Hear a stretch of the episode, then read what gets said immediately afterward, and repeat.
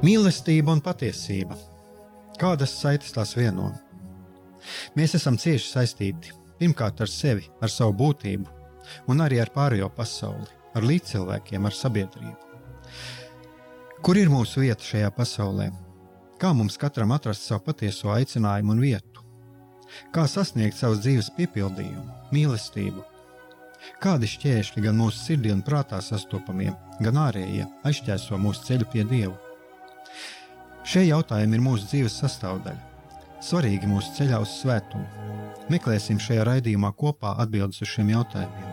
Ieklausīsimies, ko Dievs mums vēlas pateikt ar visu, ko sastopam savā dzīvē. Lai mūsu sirds un prāti atveras mīlestībai un patiesībai, raidījums mīliet cits citu.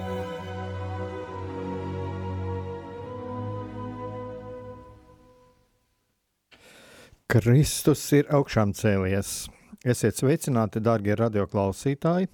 Šis atkal ir raidījums Mīliet cits citu, un studijā esmu es Aigars Brikmanis. Un eh, atkal, kā jau kādu laiku, jūs droši vien, kas klausieties šo raidījumu, esat ievērojuši, es atkal dalos pats savās pārdomās, un uh, šīs pārdomas man sākās jau ar, ar, ar gaveņa laiku, tuvojoties lieldienām. Uh, Un pagājušajā raidījumā es arī nedaudz dalījos pārdomās par to, kā uzrunā mani un kādas tieši man izjūtas, kādas domas uh, rodās, lasot, klausoties, ko saka pāvests, uz ko mūs aicina pāvests savās homīlijās, savās uzrunās. Un uh, šodien es atkal pievērsīšos vienām, vienai no pāvesta uzrunām, kur pāvests runā par to, ka attiecības ar Dievu un līdzcilvēkiem nevar palikt attālinātas. Un Ja jūs droši vien atcerieties, es iepriekšējā raidījumā runāju arī par to, ka savā ziņā es esmu piederu pie tiem cilvēkiem, kurš ir šajā laikā e, privileģēts, jo e, neesmu zaudējis darbu. Nav man tā kā ļoti daudziem ir šajā laikā gan pašiem saslimšanas bijušas, gan tuviniekiem saslimšanas, gan, gan zaudējuši, diemžēl, arī savus tuviniekus. Nav man šāda situācija, kā ir man pašam ir stāstījuši cilvēki, kuriem kur pēkšņi ir kļuvuši par pedagogiem saviem bērniem un, un kuriem neskat, neskatoties uz visiem šiem ikdienišķiem pienākumiem, vēl ir arī e, jānodarbojas ar, ar bērnu audzināšanu, nu, audzināšanu, papildu audzināšanu. Tas nozīmē, to, ka e, šīs mācība, kas, mācības, kas notiek mājās, un, un man vienkārši nāk prātā arī tāds gadījums, kur man arī viena māmiņa stāstīja, kā viņa tagad ir uh, tas gan nu, par pagājušo gadu, ka viņa gan pedagogs saviem bērniem, gan, gan studente un vēl pedagogs skolā, kur viņa strādā. Tā kā lūk, šādas situācijas, un, un tāpēc es saku, tādā ziņā es esmu viens no tiem privileģētajiem, lai gan tagad, ja tā paskatam, paskatos atpakaļ, jā, arī man ir bijušas dažādas nepatīkami piedzīvojumi, un kas iespējams arī saistīti ar visu šo situāciju, e, kas ir saistīts ar Covid.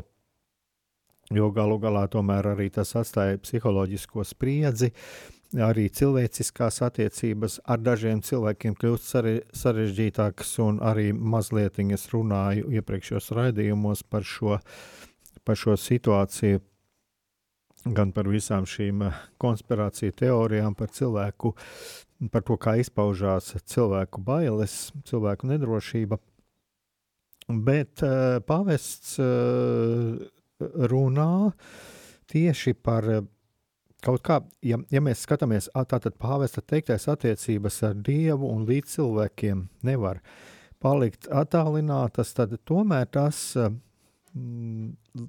neskatoties uz to, ka jā, mēs uh, zinām, šo, šobrīd ir šāda situācija, ka mums ir jāievēro mm, attālinātība, arī šeit uh, radio atšķirībā no tā, kā šeit pierasts, ir pamatā pamatā vienmēr ir viens vai divi cilvēki, tad lūk, tomēr mēs visi gaidām, mēs visi gaidām to, ka beidzot mēs atgriezīsimies normālās dzīves sliedēs, un uh, mēs, kā cilvēki, kas esam sociālas būtnes, mēs varēsim atkal kontaktēties ar citiem.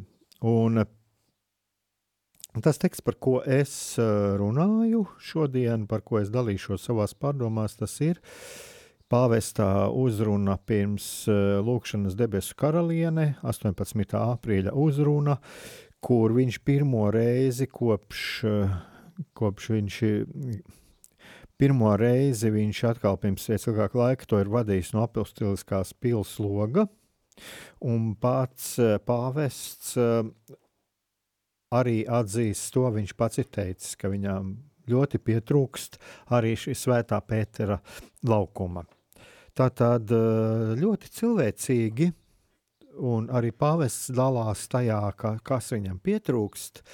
Tā tad, jā, arī dalās savās grūtībās, un Un es domāju, tas arī tā ļoti cilvēcīgi un ļoti svarīgi ir atzīt mums visiem to, kas mums trūkst un pēc kā mēs ilgojamies.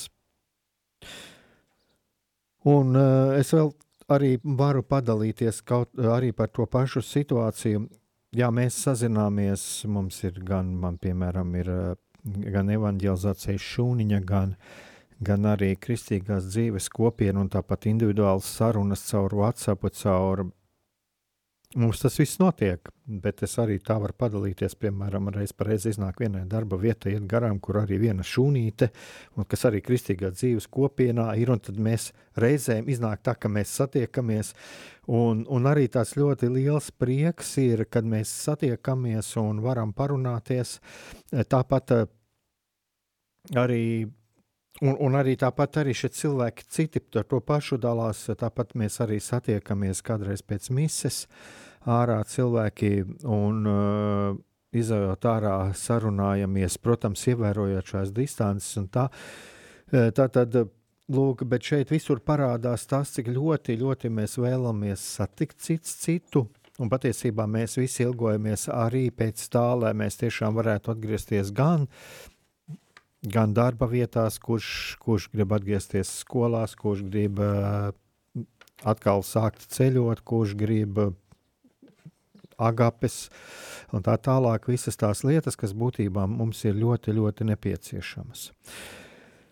Lūk, tā, tas ir man tāds, uh, izskatās tāds pagaršs ievads, Bet eh, kaut kādā ziņā tas, eh, tas, ko pāvests runā par šīm attiecībām ar Dievu un līdzcilvēkiem, jā, kad tās nevar palikt attālināts. Būtībā tur atspoguļojas tās mūsu, mūsu sirds ilgas, tas, kas mūsos ir ielikts, ka mēs uh, pilnīgi dabīgi cilvēki esam sociālas būtnes, un mēs vēlamies satikt cits citu.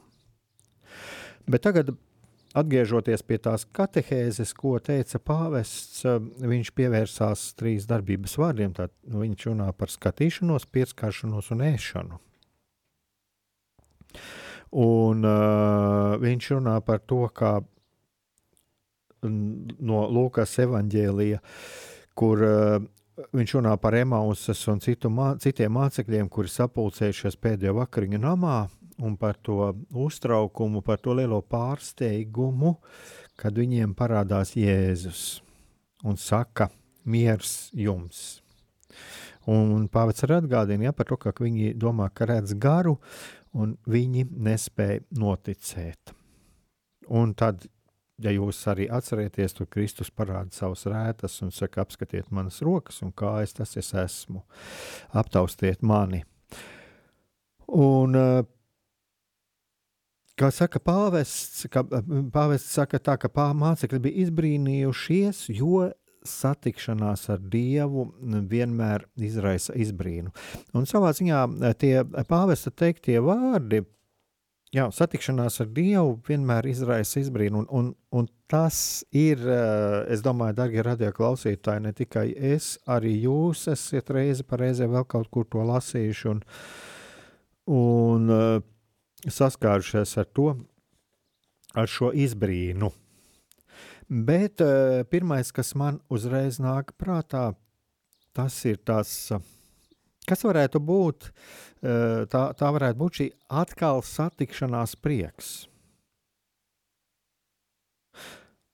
Bet, ja mēs zinām, pilnīgi dabiski, ka šis prieks nevar būt, jo tur, tur ir jābūt izbīlim, jo cilvēks, kurš ir sits krustā, un tagad viņš pie viņiem parādās. Un tātad tas ir pilnīgi normāli, ja mēs arī skatāmies, kā arī ir, mēs atceramies, kā bija Toms, kurš teica, es neticēšu, kamēr es nebūšu pieskāries viņa rētām, neticēšu, kamēr, kamēr nebūšu viņu redzējis. Lūk, šī neticība, es domāju, ka mūsos Nav pat savā ziņā, es pat teiktu, tā nav mums tā nemaz tā jābaidās no tā, jo, kā jau ir arī es kaut kad vienā no redzējumiem iepriekš runājis, ir ļoti labi, ja mēs esam atvērti uz to, atvērti arī uz to brīnumu, kuru mēs iespējams kaut kad arī mūsu dzīvē, kas nāks, lai mēs būtu atvērti, lai mūsu sirdis un prāti nebūtu aizvērti arī uz šo pārdabisko un uz šo pārdabiskā iespēju. Un, lūk, un tāpēc es domāju, ka tas ir arī pilnīgi dabiski, ka vi, kad eh, mācekļi izbīstās, jo viņi domā, ka, viņi domā, ka redz kaut kādu garu. Un eh, kā tas tā var būt? Kā tas tā var būt, kad cilvēks ir miris un, un lūk, tagad viņi redz priekšā, priekšā redz šo Jēzu, kurš, eh, kurš ir miris un, un lūk, un, un saka, miers jums. Un tagad es domāju, atkal mēs varam paņemt kādu muzikālu pauzīti, un tad es turpināšu. Domus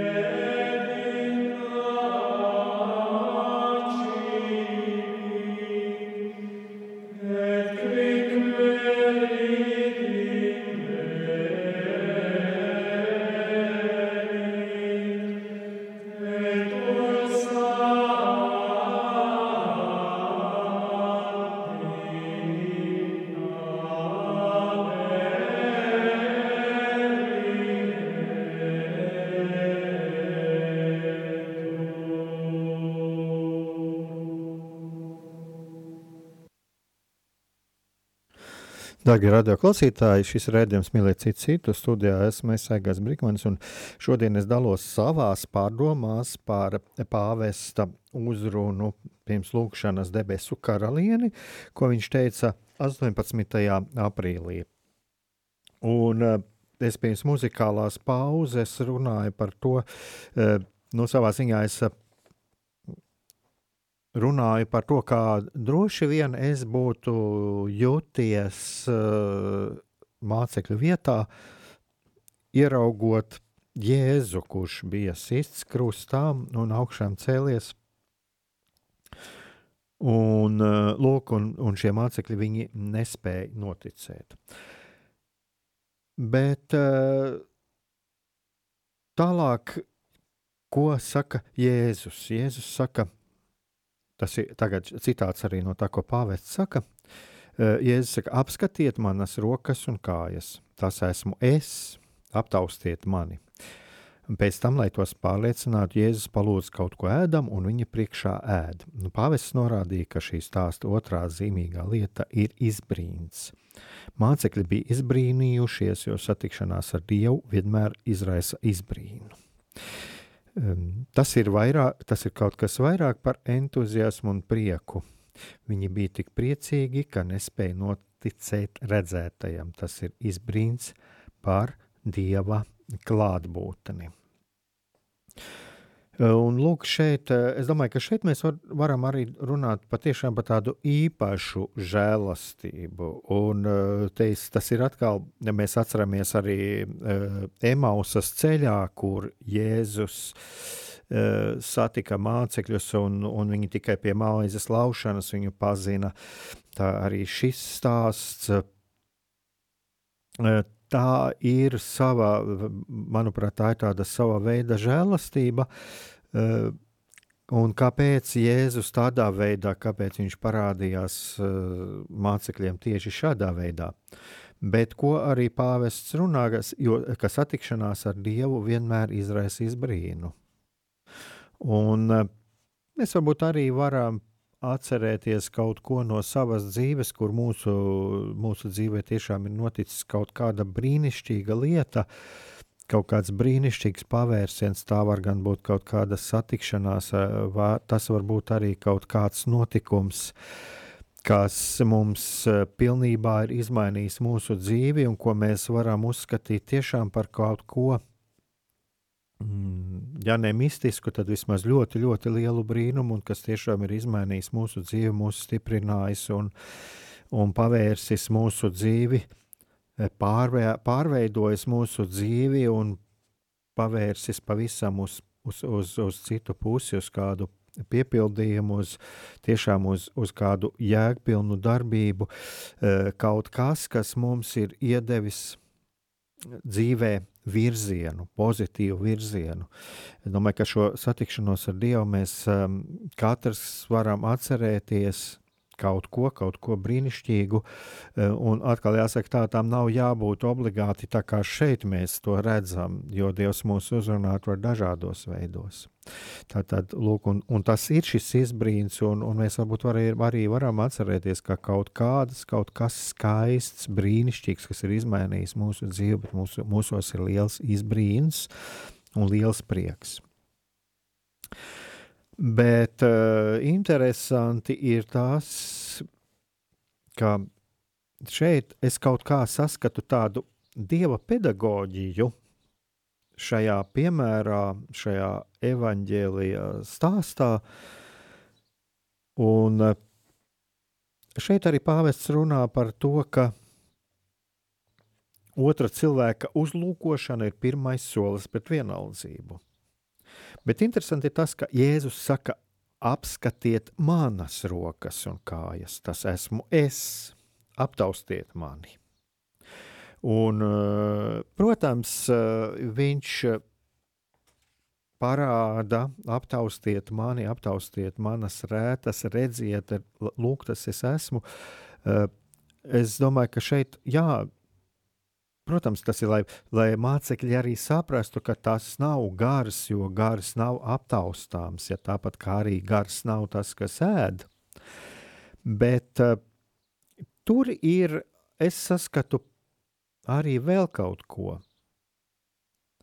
Nepavēlti arī, es domāju, pāvests runā, ka lūk, ap, aprūk, aplūkojot šos trīs minētos darbības vārdus, tātad apskatiet, aptaustiet, un tad Jēzus palūdz kaut ko ēdamu, ka pāvests runā par to, ka otra cilvēka uzlūkošana ir pirmais solis pret vienaldzību.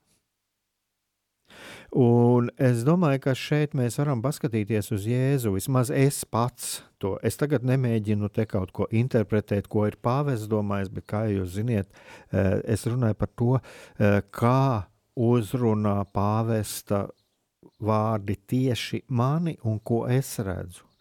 Eh, un es šeit saskatu, ka savā ziņā tā ir tāda Jēzus pedagoģija, kur viņš arī parāda savas rētas un parāda, parāda tiešām, ka viņš ir tas, kurš ir cietis. Un, eh, kā pāvests saka, šī otra cilvēka uzlūkošana, tas ir pirmais solis pret vienaldzību. Tātad tas ir pirmais solis arī pret vienaldzību otra cilvēka uzlūkošana. Tad pirmais solis pret vienaldzību, tātad arī pret vienaldzību otra cilvēka ciešanu priekšā. Un es domāju, te mēs arī varam kādreiz padomāt, vai arī nav mūsu dzīvē tā kādreiz tā, ka mēs esam um, nu, kaut ko redzējuši un um, novērsušies, vienkārši nevēlamies iesaistīties varbūt cita cilvēka problēmās, cita cilvēka sāpēs. Domāju, ka šeit arī ļoti vērtīgi ir pārdomāt to tātad uzlūkošana. Tas ir pirmais solis pret vienaldzību. Protams, man arī pašam uzreiz nāk prātā domas, uzlūkošanas var būt dažādas. Uzlūkošanas var būt ar iekāri, uzlūkošana var būt ar uh, vēlmi paskatīties, ko es no šī cilvēka varu sev iegūt. Uzlūkošanas uh, var būt dažādas. Bet šeit pāvests runā par to uzlūkošanu, kas ir uzlūkošana ar mīlestības, ar tuvāku mīlestības acīm. Un tāpēc arī viņš runā, apskatīties nenozīmē tikai redzēt, tas ir kaut kas vairāk. Šī darbība saistās ar nodomu un gribu. Un šeit arī šajā tekstā es tieši esmu pasvītrojis ar nodomu un gribu. Tātad apzināts nodoms par manu ieinteresētību šo cilvēku, tā es to redzu, un ar gribu darīt viņam labu. Un tāpēc ir arī tāds eh, skaists salīdzinājums, ko Pāvils runā. Viņš salīdzina to, kā mamma un tētis uzlūko savu bērnu, divi iemīlējušies, skatās viens uz otru, labs ārsts vērīgi apskata savu pacientu. Tas ir pirmais solis pret vienaldzību, pret kārdinājumu novērsties citu cilvēku grūtību un ciešanu priekšā.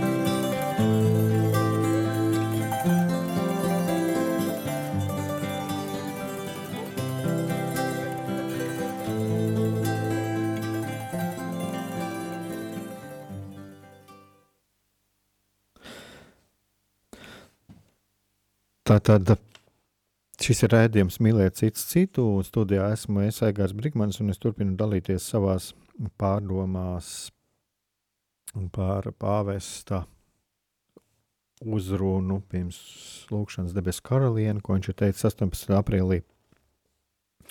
Un eh, vēl mazliet turpinot par to, ko es runāju, ko es tā redzu, kā savā ziņā tāda Jēzus pedagoģija. Uh, kur viņš aicina apskatīt savas rokas, savas kājas, un, un kur, ja tas ir arī tāds pirmais solis pret vienaldzību, tad es domāju, šeit ir arī man ienāca prātā muzikālās pauzes laikā patiesībā tāda viena e, patiesība vai aicinājums, drīzāk uz ko mēs arī esam aicināti.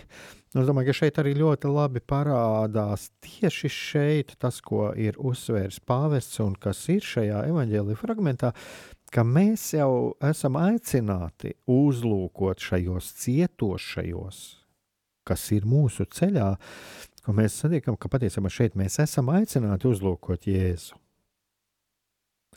Caur šiem cietušajiem saskatīt cietošo Jēzu, šajos cietošajos cilvēkos, ko, mm, kurus Dievs mūsu priekšā ir licis. Un tagad es uh, turpināšu ar to, ko arī pāvests par pāvesta otro darbības vārdu, kuram, kuru viņš aicina pārdomāt un par kuru viņš runā, tas ir pieskarties. Un eh, šeit arī pāvests saka, to lūk, šeit ir citāts no pāvesta. Jēzus aicina savus mācekļus viņam pieskarties, aptaustīt viņu, lai pārliecinātos, ka viņu priekšā nav nekāds spoks. Jēzus tāpat rīkojas arī ar mums, norādot, ka attiecības ar viņu un līdz cilvēkiem nevar palikt attālinātas. Es domāju, ka šeit ir arī tā, vismaz es ko šeit redzu, tātad pārliecinātos, ka viņu priekšā nav nekāds spoks. Tātad mēs pārliecināmies, ka mūsu priekšā, tas ir saskarsmē ar cilvēkiem, mēs pārliecināmies, ka mūsu priekšā arī tas nav kaut kas, kāds uh, objekts, uh, svešs objekts, bet ka tur ir dzīves cilvēks, dzīves cilvēks, kuram arī tāpat sāp, kurš jūt, nu, patiesībā, kurš arī kurš ir spējīgs tāpat gan priecāties, gan bēdāties, un arī kuram, arī kurš ir spējīgs ciest un kurš cieš, kuram sāp. Un tāpēc es arī Lūk, šeit tāpēc arī pāvis runā, ka Jēzus tāpat rīkojas arī mums, norādot, ka attiecības ar viņu un līdzcilvēkiem nevar eh, palikt eh, attālinātas. Un pāvis arī saka, nav tādas attālinātas kristietības. Un uh, tālāk pāvests runā arī par to, lūk, šeit citāts, mīlestībai vajadzīga tuvība, kontakts, dalīšanās. Labais samarietis neaprobežojās tikai ar ievainotā uzlūkošanu, bet noliecās par viņu un par viņu parūpējās. Un tāpat ir ar mūsu attiecībām ar Jēzu. Mīlēt viņu nozīmē nodibināt un uzturēt ar viņu ciešu vienotības saikni. Un šeit es neatceros, vai ir kādreiz šeit runāts vai nav, bet uh, es esmu tā kādreiz ļoti piesardzīgs runājot par šo tēmu, jo ir jāsaprot, ka mums kristiešiem ir ļoti svarīga lieta lūgties par otru. Tā ir ļoti, ļoti svarīga lieta. Bet uh, es uh, esmu saskāries ar gadījumiem, tas jau ir pirms, pirms eh, kāda gadījums, pirms vairākiem gadiem, kur nu, cilvēks vismaz ir tā stāstījis, kad tad, kad ir vajadzīga šī reālā palīdzība, tad cilvēks saņem vienu atbildi. Nu, tajā brīdī, kad viņš varētu saņemt kaut kādu palīdzību, tad viņš saņem vienu atbildi: Es par jums palūkšos. Kas, protams, ir ļoti brīnišķīgi. Kas, protams, ir ļoti brīnišķīgi. Bet, ja mēs atceramies arī no šī evaņģēlijas stāsta par labo samarieti, tad tur priesteris un visi šie cilvēki, kas tā laika teiksim, arī tā laika garīga elite bija. Protams, tur ir arī savs skaidrojums, nepieskarties asinīm, un teologi to skaidrojuši un tā tālāk. Bet lūk, vienīgais ir šis labais samarietis, kuri, kur, kuri pie jūdiem nu, nekādīgi netika vērtēti. Vienīgais viņš ir tas, kurš tiešām noliecās par šo ievainoto un reāli viņam palīdzēja. Un kāpēc es šīm lietām, tām, ko es uzskatu, kas arī, domāju, mūsu kristiešu sabiedrībā ir ļoti aktuāli, un tas, es, tas, to, tas tikpat labi attiecās arī uz mani, jo es esmu, mēs visi, un, un arī es esmu tendēts izvairīties no grūtībām, Kāpēc man vajadzīgs ir liekas problēmas pašam savas, pie, pašam savas pietiek, un, un es domāju, ka mēs varam paskatīties kādreiz un, un, un arī pavērtēt, vai nav arī kaut kādas situācijas, kur mēs tiešām esam mēģinājuši novēlt uz kādu citu vai, vai novērsties. Tātad es vēlreiz gribu teikt, lūkšanas ir ļoti svarīga lieta. Tāpat kā arī šī uzlūkošana ir ļoti svarīga lieta, bet uh, ir, ir ļoti, ļoti svarīgi, manuprāt, arī tas, lai mēs uh, mm, spētu izvērtēt, un ja mēs redzam, ka kādam cilvēkam tiešām ir šī palīdzība vajadzīga, tad arī, lai mēs steigtos viņam palīgā. Šeit var būt dažādas šīs palīdzības. Jā. Un, un es domāju, ka šeit, ja mēs runājam par, par to pašu labo samarieti, ka jā, pāvestā arī runā, labais samarietis neaprobežojas tikai ar ievainotā uzlūkošanu, bet noliecās par viņu un par viņu parūpējās. Es domāju, ka šeit, tajā gadījumā, un tāpēc arī, arī Jēzus šo piemēru min un, un svētajos rakstos šis piemērs ir. Es domāju, ka te ir tā īstā īstais piemērs, es pat teiktu, tā, kur svētais gars darbojās cilvēkā. Un uh, viņš šajā brīdī zina, kas viņam ir jādara, ja viņš reāli palīdz. Un, uh, jā, un tā, tā, tā, tā, tas, tāpat tas ir arī, kā pāvis saka, tas at, ar, tāpat arī ir mūsu attiecībām ar Jēzu mīlē viņu, nozīmē nodibināt, nodibināt ar, un uzturēt ar viņu ciešu vienotības saikni. Un tas, tas, ko es šeit redzu arī šajā tekstā, kā mani uzrunā, es atkal saku, kā, kā šis teksts uzrunā mani. Ir, mums ir ļoti grūti kādreiz ieraudzīt uh, otrā cilvēkā Jēzu. Sevišķi, šis cilvēks mūsu acīs izskatās grēcīgs, tas var būt ļoti daudz cieši, piemēram, kāds alkoholiķis, kurš kaut kāda iemesla dēļ ir iekļuvis nelaimē. bieži vien tieši uz to mums ir ļoti grūti. Un atkal šeit es gribu teikt, arī tieši man vakar iznāca arī saruna cilvēku, kur cilvēks teica, jā, bet man nāca klāt cilvēks, un, un es acīm redzam, redz, ka viņš jau man stāsta leģendu, lai viņš tiktu pie sava pie savas eh, devas, pie sava alkohola. Es nerunāju par šiem gadījumiem, es nerunāju par šiem gadījumiem. Jā, tur mums arī ir jābūt ir stingri, un mēs, eh, es uzskatu, tā, ka jā, ir svarīgi arī to izvērtēt, lai mēs uh, kaut kādu uh, nelegālu vai kādu tirdzniecību vai cilvēka, cilvēka atkarību neveicināt ar savu rīcību, pārprastas žēlastības dēļ. Bet es šajā gadījumā runāju par kaut ko citu, ka varbūt šim cilvēkam, arī šim alkoholiķim, Viņam varbūt eh, nav mūžā bijis neviens, kurš ar viņu īsti parunājas, viņš nav bijis uzklausīts, viņš, mēs nezinām, mēs ne, nevaram pat izdo, iedomāties, ko viņš jau varbūt savā dzīvē ir pārdzīvojis. Un, un varbūt kāds no mums ir pirmais cilvēks, kas viņu uzrunā ar cieņu. Un, lūk, un šeit es domāju, arī ir tā būtiskā lieta ieraudzīt šo cietošo jēzu šajā cilvēkā, kur ir to visgrūtāk ieraudzīt.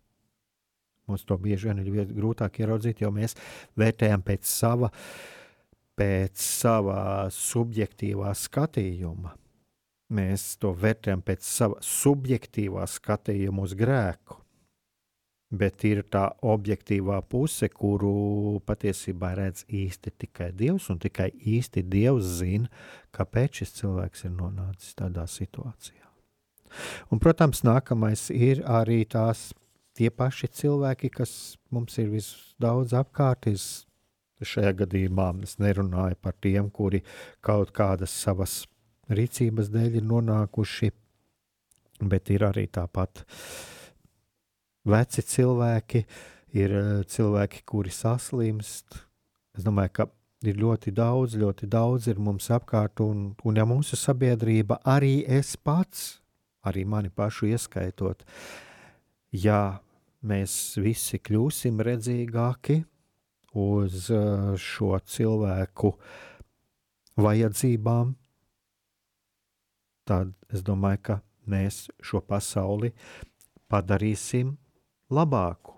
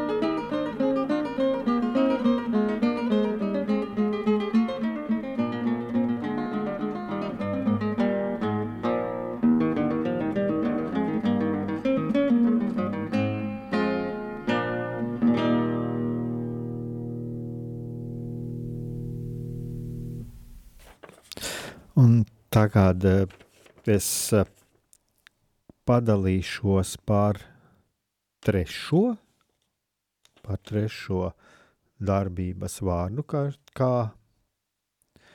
kā to ir minējis pāvests. Tas ir par ēšanu. Un arī man, man arī pašam ļoti labi patīk Kā man tā ir ļoti saistoši tieši tas, ka pāvests runā, ka viņš runā par reālām lietām. Viņš runā par to, ka ēšana ir viena no mūsu dzīves pamatu vajadzībām, un mēs ēdam, lai dzīvotu. Un, lūk, jā, tā ir šķietami pašsaprotama un vienkārša lieta. Un kaut kādā ziņā mani tas uzrunā, kāpēc par šo vienkāršo lietu. Vai nav tā, ka mēs kādreiz arī dzīvē mēģinām meklēt, visur, visur mēģinām meklēt kaut kādus pārdabiskus brīnumus, bet uh, patiesībā ir tā, ka es kādreiz esmu teicis, tā, ja būtu visā kosmosā būtu tikai viena molekula, tas jau vien būtu brīnums, jo kurš ir spējīgs radīt kosmosu, kurš mēģi, spējīgs ir radīt uh, molekulu. Un, un es domāju, ka šeit ir vai viens atoms. E, vai viens atoms, jā. Tad, tad es domāju, ka šeit ir. Uh, kāpēc es par to tā runāju?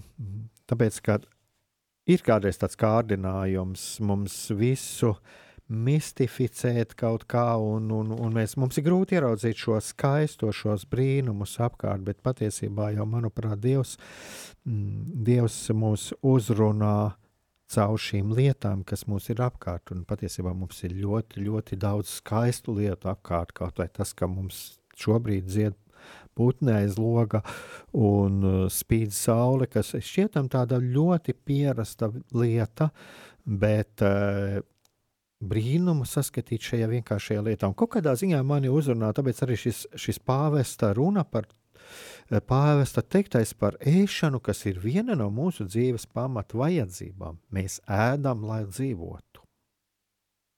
Un kaut kādā ziņā arī tas ir noslēpums, jo Dievs ir tādus mūs radījis.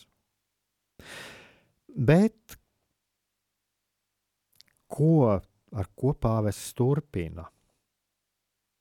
Viņš jau pieskaras kaut kam vairāk, jo pāvests saka, taču ēšana kopā ar ģimeni vai draugiem kļūst arī par mīlestības un sadraudzības izpausmi. Un šeit man nāk prātā uzreiz liecības, ko es esmu dzirdējis no cilvēkiem, un kuri runā par krīzi ģimenē. Un viena no pazīmēm, un tas nav, tas nav kaut kāds, es domāju, arī izdomājums. Šeit es runāju par, par savu personīgo pieredzi, ko, ko cilvēkiem man stāstījuši. Agri vai vēl kādreiz nonāk pie tā, kad cilvēks saka, mēs ģimenē kopā nēdam. Mums ir katram savs stūris, katram, sava, katram savas ēdienreizes. Un atkal šeit es negribu absolutizēt un teikt, ja ģimene kopā nēd, e, tad, e, tad tas ir obligāti, tur ir konflikti, tur ir strīdi un tā tālāk. Bet e, tomēr kopumā redzot no visas no manas pieredzes, ko es esmu saskāries, tomēr eh, tas var rādīt. Tas var rādīt par to, ka kaut kādas īsti saskaņas nav. Jo tā tomēr ir eh, ēšana kopā, tā tomēr ir, eh, kā arī pāvests runā, kļūst par mīlestības un sadraudzības izpausmi, tā tomēr ir darbība, ko mēs veicam kopā. Un, un būtībā mēs veicam kaut ko, kas, jā, tā ir tā, tas, ko mēs darām, lai dzīvotu. Ēšana kopā īči ir tā agape nepavēlti arī baznīcā ir ļoti svarīgi, uz, tiek uzsvērts par šo agapes nepieciešamību, kāpēc arī kopienās tiek aicināts, un tā ir viena no būtiskām sastāvdaļām. Tā ir dalīšanās, dalīšanās tajās dāvanās, kas mūsos ir. Ēšana tas nenozīmē tikai savu personīgo vajadzību apvien, uh, apmierināšanu, bet tas nozīmē dalīties ar tajā, kas ir uz galda. Mēs visi kopā ar to dalāmies. Un tāpēc nepavēlti arī pāvests tāpēc sakat, ka tas ir kļūst par mīlestības un sadraudzības izpausmi. Un, lūk, un pāvests arī runā par to, ka lūk, šo sadraudzības dimensiju, tas ir pāvesta citās no pāvesta šo sadraudzības dimensiju izdzīvo Jēzus ar saviem mācekļiem, līdz beidzot evaharistijas mīlestības kļuva par kristiešu kopienas zīmi. Kopīgi ēst Kristus miesu, tas ir kristīgās dzīves centrs. Es domāju, ka šeit jau arī mēs pieskaramies arī šim evaharistijas noslēpumam, bet uh, es vēlos arī tieši uzsvērt to, kas man pašam ir ļoti svarīgi, jo mēs, piemēram, ģimenē to piekopjam, cenšamies vienmēr iespēju robežās arī ēst kopā. Un kā es saku, es negribu, nevēlos šo absolutizēt, jo man uzreiz nāk arī daži piemēri, kur, kur varbūt savādāk, bet uh, tomēr lielāko daļu, jā, saskaroties ar cilvēkiem, kuriem ir problēmas attiecībās ģimenē, tad viena no pazīmēm ir, ka nav šī kopā, kopā ēšana. Kas pats par sevi rāda, ka mēs negribam būt neko kopīgi, mēs negribam būt pie kopīga galda. Tad trūkst kaut kāda dialoga, kaut kādas savstarpējas, savstarpējas saskarsmes. Un es domāju, ka tas arī ir viens no tādiem rādītājiem,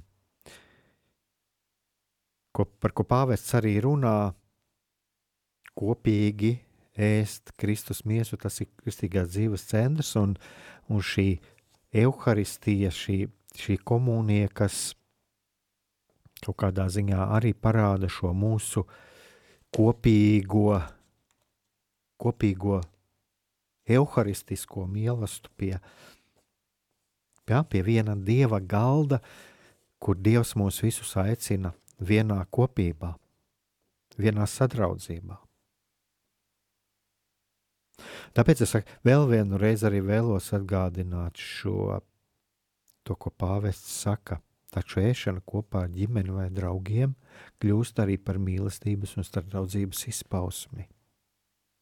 Un es šeit arī vēlētos varbūt arī atgādināt kādam, kādam tiešām ir kaut kādas problēmas attiecībās ģimenē, kaut ar kādiem cilvēkiem. Padomāt, tiešām vai, vai mums ir šī, šāda tradīcija mājās ieturēt kopīgas maltītes pie viena galda. Un, ja tas tā nav, tad ir. Tad es domāju, tad, tad arī mēs varam padomāt, kāpēc. Kāpēc mums ir grūtības apsēsties pie viena galda, ēst kopā pie viena galda?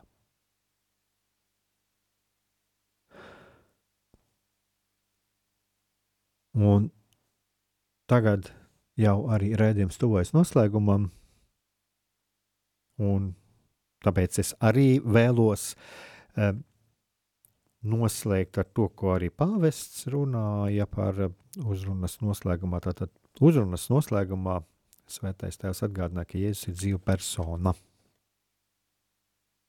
Un ko pāvests runā? Pāvests runā par to, ka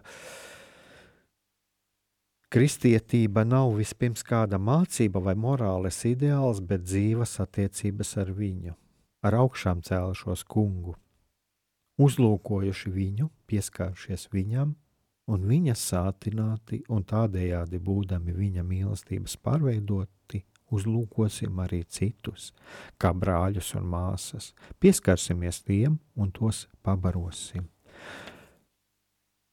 Es domāju, ka lai mums tiešām lai mums izdodas sekot tam, uz ko pāvests mūs aicina, uzlūkot Jēzu Un mēs varam katrs uzlūkot Jēzu un domās pieskarties, pieskarties arī viņam. Iedomāties, kā tas ir. Jēzum, kurš ir nomiris un augšām cēlies par mums. Un mēs katrs varam mēģināt iedomāties šajos cilvēkos, ko mēs satiekam ikdienā, Varam mēģināt paskatīties uz viņiem, varam mēģināt, pas, mēģināt paskatīties uz viņiem, iedomāties, kā uz viņiem lūkojās Jēzus, ar kādām acīm. Un tajā pašā laikā mēs varam arī paskatīties viņos un mēģināt iedomāties tur, ieraudzīt viņos pašu Jēzu. To Jēzu, dzīvo Jēzu, kurš, kurš ilgojās pēc mūsu palīdzības, kuram ir vajadzīga mūsu palīdzība. Lai mums tiešām izdodas, lai mums izdodas soli pa solim pie, pietuvoties šai mīlestības pilnībai, šai savstarpējai mīlestības pilnībai. Un tad mēs arī būsim tā, tā dzīvā sēkla, caur kuru pasaule kļūs drošāka un labāka.